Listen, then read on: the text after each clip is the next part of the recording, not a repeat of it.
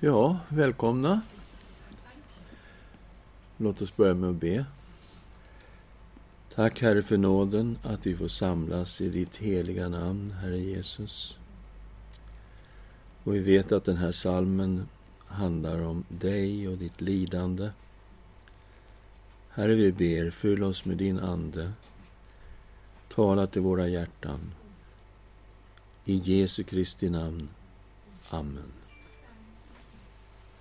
Ja, vi har psalm 22 framför oss. Väldigt känd psalm. Och vi läser den. För körledaren till morgonrodnadens hind, en psalm av David. Min Gud, min Gud, varför har du övergivit mig? Jag ropar och klagar, men min frälsning är fjärran. Min Gud, jag ropar om dagen, men du svarar inte. Och om natten, men får ingen ro. Ändå är du den helige, den som tronar på Israels lovsånger. På dig förtröstade våra fäder. De förtröstade och du befriade dem. Till dig ropade de och fick hjälp. De förtröstade på dig och behövde inte skämmas. Men jag är mask och inte en människa, hånad av människor och föraktad av folket. Alla som ser mig hånar mig. De grimaserar och skakar på huvudet. Anförtro dig åt Herren. Han får befria och rädda honom. Han älskar ju honom. Det var du som drog mig ut ur moderlivet. Du gjorde mig trygg vid min mors bröst. På dig är jag kastad ända från modersskötet. Från moderlivet är du min Gud. Var inte långt ifrån mig, för nöden är nära och ingen hjälpare finns. Tjurar i mängd omger mig, Barsans oxar omringar mig. Som rovlystna rytande lejon spärrar de upp sitt gap mot mig. Jag rinner bort som vatten alla mina leder har skilts åt. Mitt hjärta är som vax. Det smälter i mitt inre. Min kraft är uttorkad som en krukskärva. Min tunga fastnar i gommen. Du lägger mig i dödens stoft. Hundar omger mig. De ondas hop omringar mig. De har genomborrat mina händer och fötter. Jag kan räkna alla mina ben. De ser på mig, de stirrar. De delar mina kläder mellan sig och kastar lott om min klädnad. Men du, Herre, var inte långt borta. Du, min styrka, skynda till min hjälp. Rädda min själ från svärdet, mitt liv ur hundarnas våld. Fräls mig från lejonets gap och vildoxarnas horn. Du bönhör mig. Jag ska förkunna ditt namn för mina bröder. Mitt i församlingen ska jag lovsjunga dig. Ni som vördar Herren, lova honom. Ära honom, alla Jakobs barn, och bäva för honom, alla Israels barn. För han föraktade inte den förtrycktes lidande och såg inte på honom med avsky. Han dolde inte sitt ansikte för honom utan lyssnade när han ropade till honom. Från dig kommer mitt lov i den stora församlingen. Jag ska uppfylla mina löften inför dem som vördar honom. De ödmjuka ska äta och bli mätta. De som söker Herren ska lova honom. Era hjärtan ska leva för evigt. Alla jordens ändar ska minnas det och omvända sig till Herren. Folkens alla släkter ska tillbe inför dig. För riket är Herrens, och han råder över folken. Alla mäktiga på jorden ska äta och tillbe. Inför honom ska de böja knä. Alla som går ner till stoftet och inte kan hålla sin själ vid liv. Ättlingar ska tjäna honom. Kommande släkten ska få höra om Herren. De ska träda fram och förkunna hans rättfärdighet för det folk som ska födas, att han har gjort det. Ja, det är en märklig psalm vi har framför oss. Fantastisk på väldigt många olika sätt. Och vi ska titta på bakgrund lite grann här. Den här salmen betraktades som en messiansk psalm av David på Jesu tid. Och Det innebär ju att vi kommer tolka den utifrån Jesus Kristus som Messias. Och när Jesus hängde på korset så ropade han ut inledningen till salmen. Så här står det i Matteus 27.46. Vid nionde timmen ropade Jesus med hög röst Eli, Eli, lema sabachthani. Det betyder min Gud, min Gud, varför har du övergett mig? Och jag tänker så att eh, Jesus upplevde innebörden i det här ropet. Han upplevde det verkligen på det här sättet. Men samtidigt så riktar han ju allas ögon till psalm 22. Och jag antar att Jesus menade hela salmen, ungefär som när Lukas skrev ner inledningen till psalm 2 i Apostlagärningarna 4, 25-26. Vi tittade på den där tidigare. Och det här var alltså ett sätt som judarna brukade citera salmer. Vi måste tänka oss att Saltaren som bok var inte numrerad som vi har. Här är ju 22 salmen. Utan det var ihopskrivet. Det fanns inga verser och så, utan det var ju en ihopskriven bok. Så hur skilde man på salmerna? Jo, genom att citera första versen i en psalm. Då visste man, aha, det är den här salmen som, vi, som det handlar om nu. Och så gör Jesus när han hänger på korset. Vi noterar också att Jesus ropade på vardagsspråket, arameiska, inte på hebreiska. Och sannolikt ville han att alla judar skulle förstå och rikta sin blick mot just psalm 22. Det pågår en diskussion kring vers 17. Och eh, vi ska sätta oss in lite grann i problematiken. Det handlar om ordet genomborrat eller uttrycket som ett lejon. Det är vad det handlar om.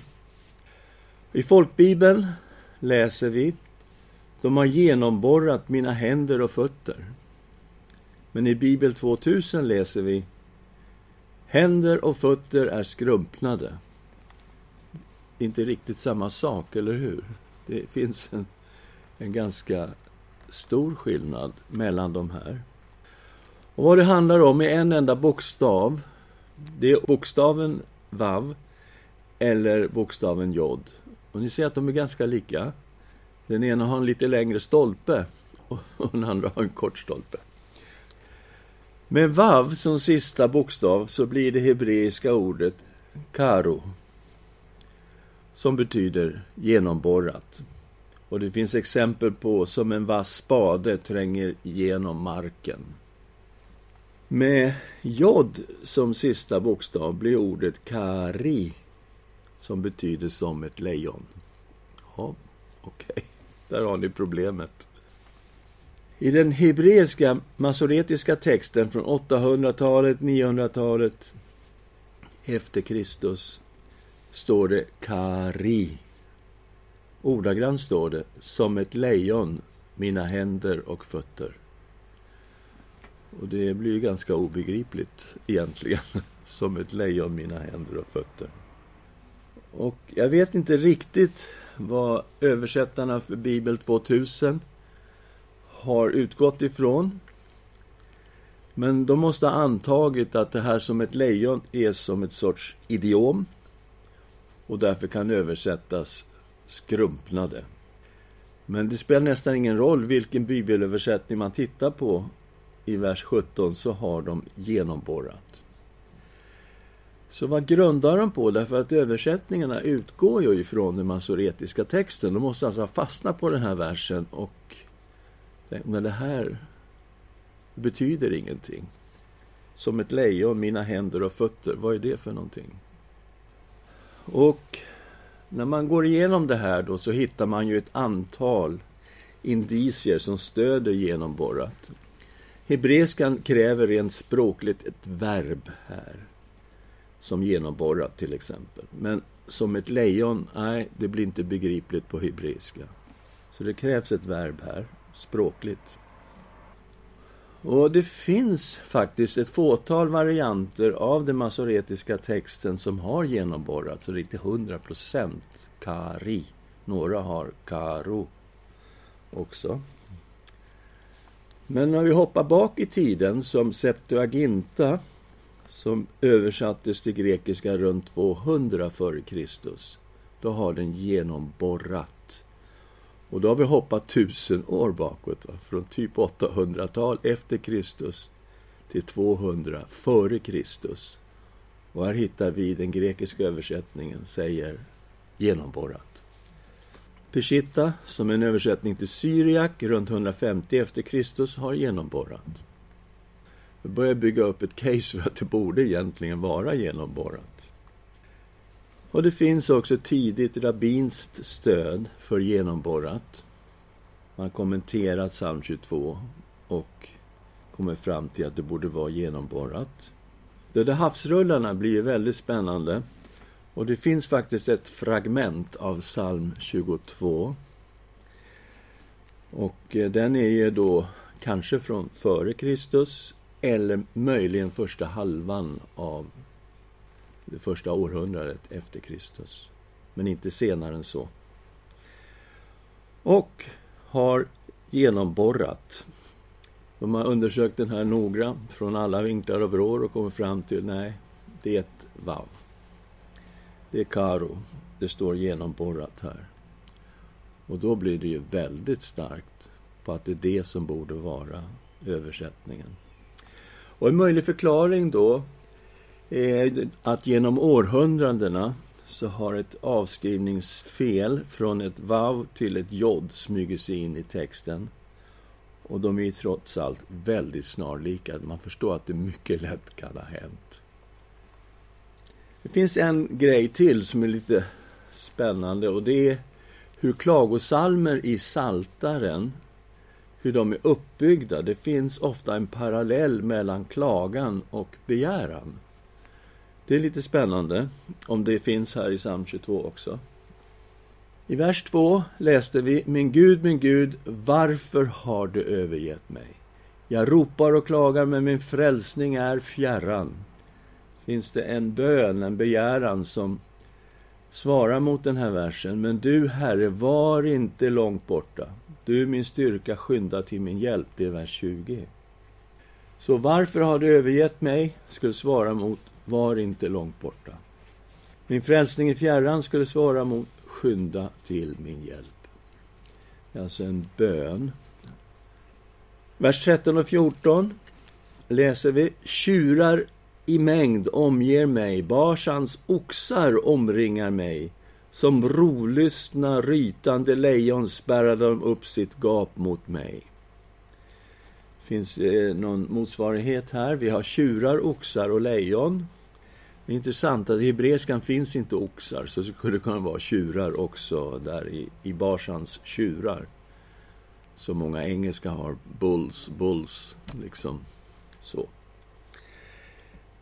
Eh, och då i vers 22 svarar mot de här djuren. Fräls mig från lejonets gap, vildoxarnas horn, du bönhör mig. Och då kommer vi till våran vers då, vers 17. Har vi en sån där också. Hundar omger mig. De ondas hop omringar mig. De har genomborrat mina händer och fötter.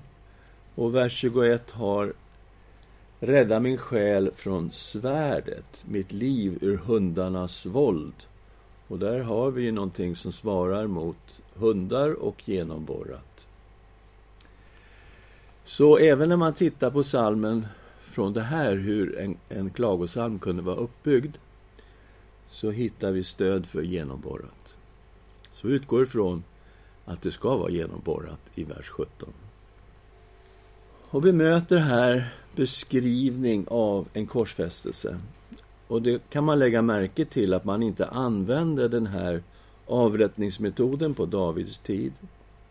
Salmen är ju profetisk. Den blickar fram mot Messias lidande och korsfästelse. Och det är så vi kommer att läsa den. Ja, bara en snabb fråga. Ja. Eh, de där översättarna Mm. Varför har man inte som princip att man alltid får till, till de äldsta skrifterna? Varför är det liksom inte en, nästan som ett, en regel att man måste gå tillbaka till de äldsta skrifterna? Mm. Varför går man inte till de äldsta? Det problemet med just gamla testamentliga texten är att det äldsta kompletta GT som överhuvudtaget finns idag är från 1000-talet efter Kristus. Så det finns inget äldre. Och ska man översätta från hebreiska till svenska då har man de här texterna framför sig, de masoretiska texterna.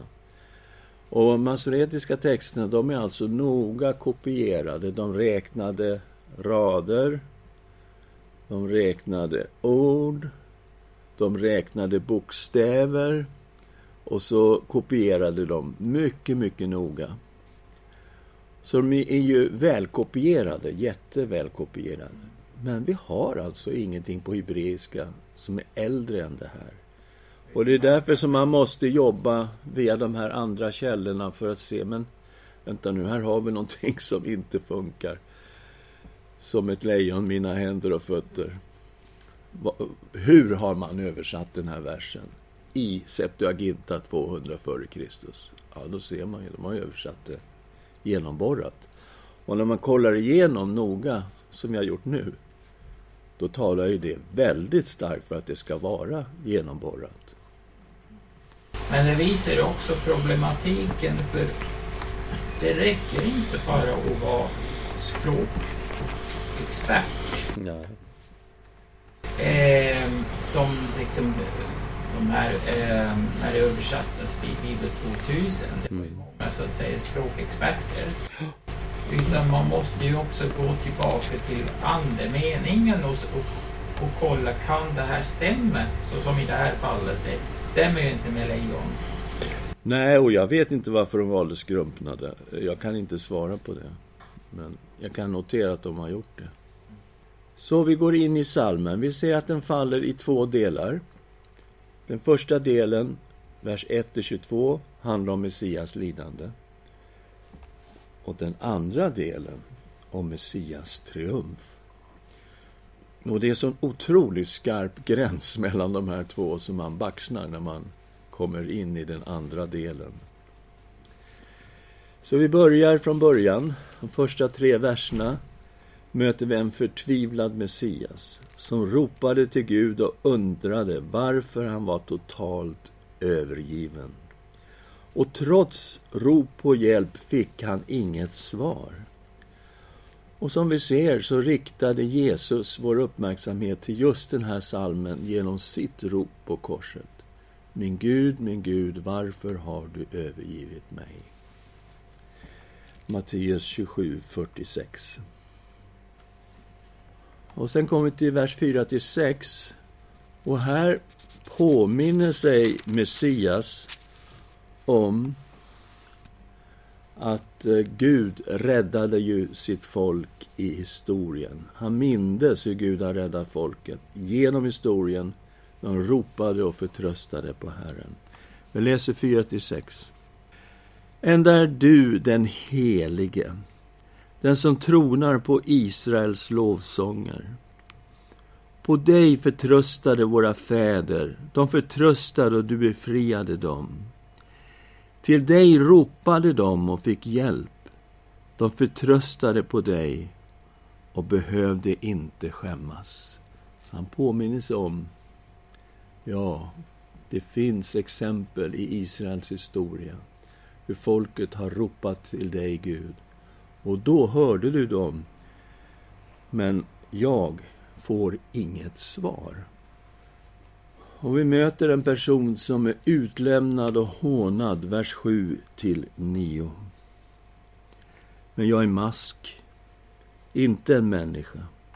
Hånad av människor, föraktad av folket. Alla som ser mig hånar mig. De grimaserar och skakar på huvudet. Anförtro dig åt Herren. Han får befria och rädda honom. Han älskar ju honom. Och vi noterar en väldigt stor likhet här med Matteus 27, 39-43. Det som gick förbi hånade honom och skakade på huvudet och sa du som river ner templet och bygger upp det på tre dagar Fräls dig själv om du är Guds son och kom ner från korset på samma sätt förlöjligade även översteprästerna och de skriftlärda. Och de äldsta honom och sa Andra har han frälst, sig själv kan han inte frälsa. Han är Israels kung. Nu får han komma ner från korset, så ska vi tro på honom. Han litar på Gud. Nu får Gud rädda honom, om han älskar honom. Han har ju sagt jag är Guds son. Så här gick de på mot Jesus när han hängde på korset. Men Herren var Messias Gud, ända från födseln. Gud liknas vid en barnmorska som är den som förlöser Messias. Ända sedan födseln har Herren varit Jesus Gud och Fader. Inte ens korsfästelsen kunde ändra på detta faktum. Och så kommer vi in i det här som beskriver korsfästelse och död. Vi går till vers 12 till 22. Messias bad att Herren skulle vara nära mitt i nöden, vers 12. Och salmen beskrev en fullständigt livsfarlig och utsatt situation. Han är omringad av vilda tjurar och oxar och rytande lejon. En väldigt utsatt situation. Och man ser här hur bilden av en korsfästelse träder fram i texten. Vers 15. Jag rinner bort som vatten. Alla mina leder har skilts åt. Och det här är vad som hände vid en korsfästelse. När en korsfäst inte längre orkade hålla upp sin kropp med sin muskelkraft. Utan åkte ut så här, för det gick inte att hålla upp kroppen. Då skildes lederna från varandra. Så det var otroligt smärtsamt sätt att avrätta en människa på. Alla mina leder har skilts åt. Vers 16. Min kraft är uttorkad som en krukskärva. Min tunga fastnar i gommen. Du lägger mig i dödens stoft. Ungefär som du begraver mig. Och den korsfäste svettades då kopiöst.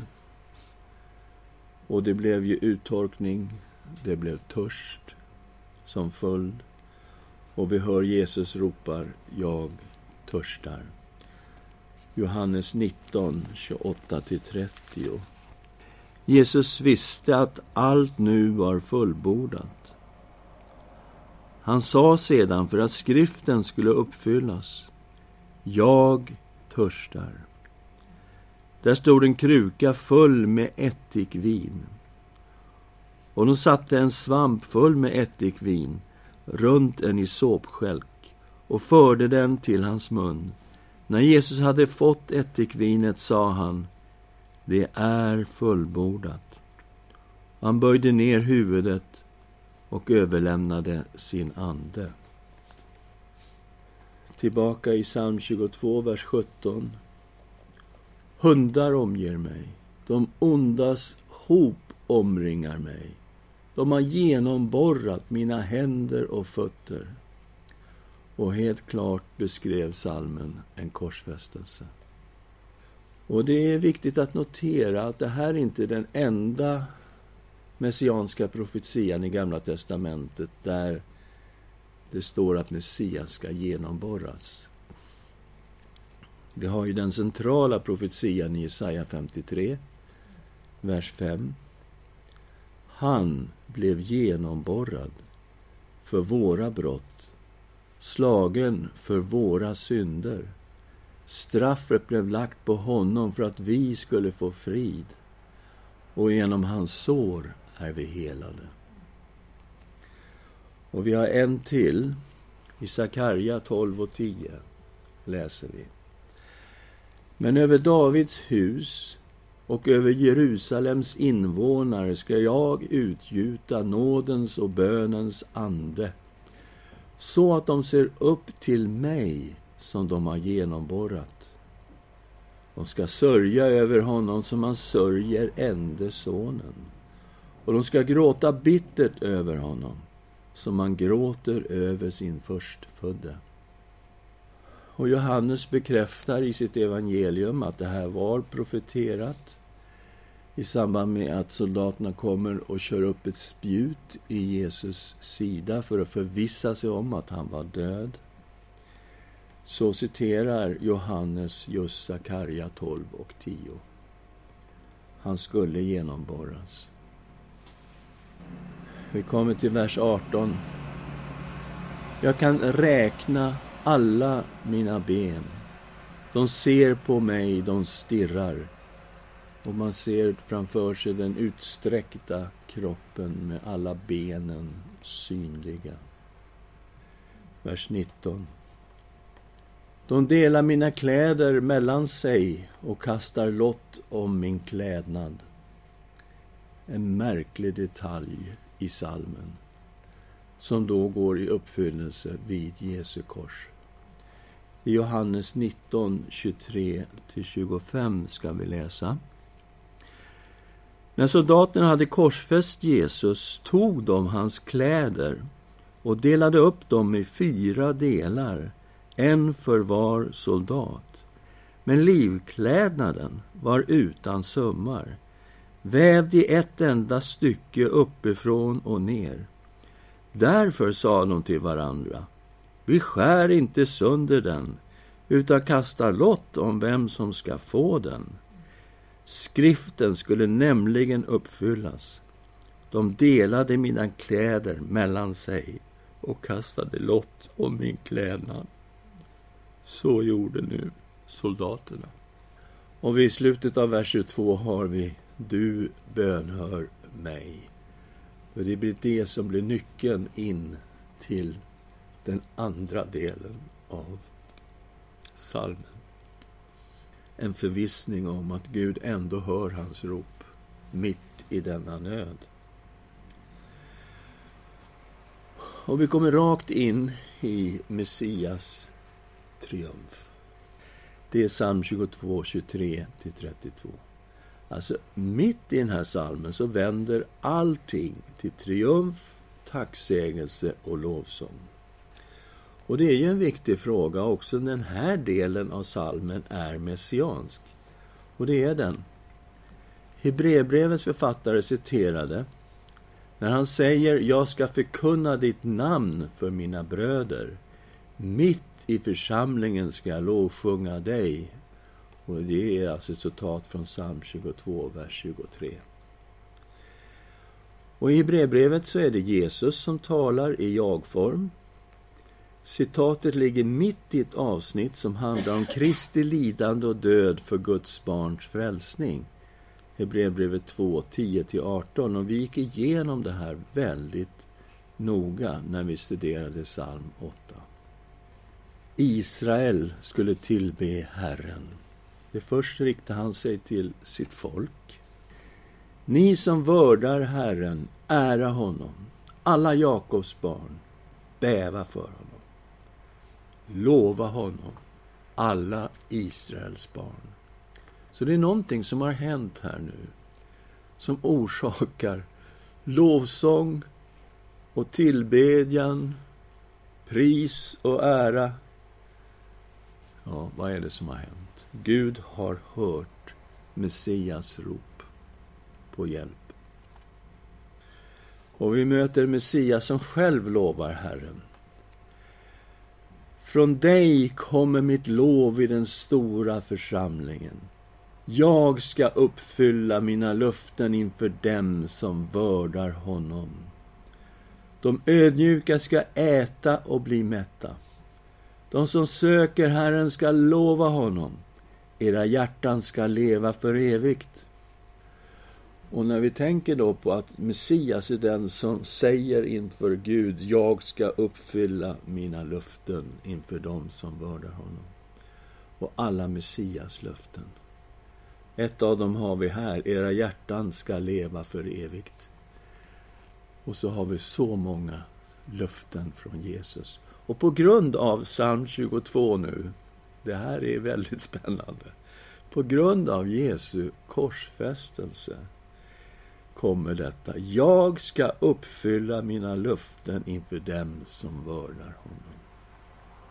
Så det här är någonting väldigt centralt som har hänt. Ja, det var inte bara Israel. Också folken. Också vi hedningar finns med i den här salmen. Vers 28 30. Messias uppmanade alla folk att omvända sig och tillbe Herren. Alla jordens ändar ska minnas det och omvända sig till Herren. Folkens alla släkter ska tillbe inför dig, för riket är Herrens och han råder över folken. Alla mäktiga på jorden ska äta och tillbe. Inför honom ska de böja knä. Alla som går ner i stoftet och inte kan hålla sin själ vid liv. Och det här gäller alltså oss som är hedningar. Alla släkter ska tillbe. Okej, okay, vi hör löftena till Abraham. I din säd ska alla släkten på jorden bli välsignade. Och vi vet att det här är uppfyllt i Jesus Kristus. Och till och med de som går ner i stoftet och inte håller sin själ vid liv. Även här ska det finnas en tillbedjan av Herren. Intressant när man tänker på Nya testamentet faktiskt. Men inte bara så, kommande släkten. Och då får vi också finnas med som kommande släkten. Våra barn får finnas med. Våra barnbarn får finnas med. Vad säger han? Kommande generationer skulle tjäna Herren. Så här står det i vers 32. De ska träda fram och förkunna hans rättfärdighet för det folk som ska födas att han har gjort det. Det är alltså ett folk som ska födas, som ligger någon gång i framtiden, kommande generationer. Att han har gjort det, börjar man tänka. Det, vadå det? Så tittar man bakåt i psalmen, vad är det han prisar för? Jo, det är just det här. Vad är det som Gud har gjort genom Messias? Jo, det var just det som Messias bad Gud om genom denna psalm som beskrev hans egen korsfästelse. Gud har gjort någonting genom Jesu kors som ja, Israel ska tillbe. Jesus säger, jag kommer att uppfylla alla mina löften. Uppmaningen till folken att omvända sig och tillbe honom. Även kungar ska böja knä inför honom. Och kommande släkten, generationer som ska födas, ska prisa Herren för att han har gjort det. Och det är det vi gör när vi firar nattvard, när vi samlas i gudstjänst, så är det just vad Gud har gjort genom Jesus Kristus i hans korsfästelse. Och vi kan lägga till hans uppståndelse. Det är det centrala i hela den kristna tron. Ska vi tacka Herren tillsammans. Herre, vi uppmanade här att vara bland de här folken, de här släkterna som ska bli välsignade genom dig, Jesus Kristus, vår Herre. Vi är bland de kommande generationerna som skulle omvända sig och tillbe inför dig. Och vi tänker på våra barn, vi tänker på våra barnbarn, vi tänker på kommande generationer som ska prisa dig för att du har gjort det.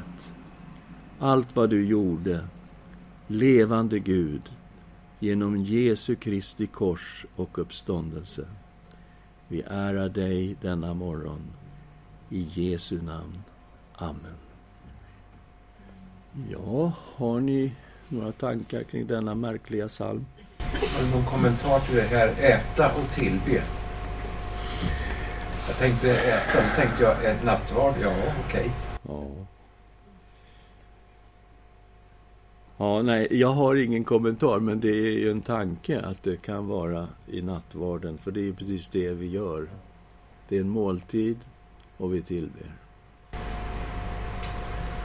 Men vad tänker rabbiner som inte ser att Jesus är Messias? Vad tänker de om den Ja, Generellt sett så väntar ju judarna på att Messias ska komma. Och de tänker att han, när han kommer så ska han sätta upp ett rike som faktiskt gäller hela världen. Och det stämmer överens med det här. Men däremot, det här med korsfästelsen är ju någonting helt annat. Det är inte bara en halv psalm, det är liksom första halvan av psalmen som är så stark. Och jag vet att det finns, ligger en, en video ute på One for Israel där de har gått runt och intervjuat människor om Jesaja 53. Och det visar sig att det är inga judar som känner till den här om man inte har läst Gamla testamentet själv noggrant. För den förekommer inte i läsningen i synagogan. Den är alltså borttagen, den här. Och de blir ju förvånade när de läser den. Och den som intervjuar då ställer frågan Känner ni till någon som det här skulle kunna stämma på? Och det är flera som säger Jeshua. Han gick igenom det här för vår skull. Ja, så att det, det, är ju så med den rabbinska judendomen att man inte tror att Jesus från Nasaret var Messias. Utesluter de den här predikan i församlingarna med flit? Ja, det tror jag man kan säga att det skedde ju ganska tidigt när de valde ut texter som ska läsas i synagogorna. Och då har man gått igenom de här texterna och sett att de här texterna som är väldigt profetiska och pekar mot Jesus som Messias, de har man tagit. Ja, det är allvarligt, men så är det. Och det var för att beskydda sitt folk, tyckte de då, så att de inte ska bli kristna. Det är ju liksom en tanken då, vi måste skydda vårt folk. Det är lite märkligt om man ändå tror på Gamla Testamentet. Att man, att man inte Ja. Ja, tar med det här och förklarar på något annat sätt. Eller Mm. att man plockar bort det. Det är väl jättekonstigt. Jo, de har en annan förklaring av Jesaja 53 till exempel. Det har de. Samma grej i liberal te- teologi. Att eh, man, man liksom tar inte hela paketet utan man plockar det som Jo. passar. För, för, för sina syften. Precis. Så, så är det med oss människor. Men nu måste vi avbryta här. Klockan börjar närma sig kvart i. Maggan ska ta över lokalen.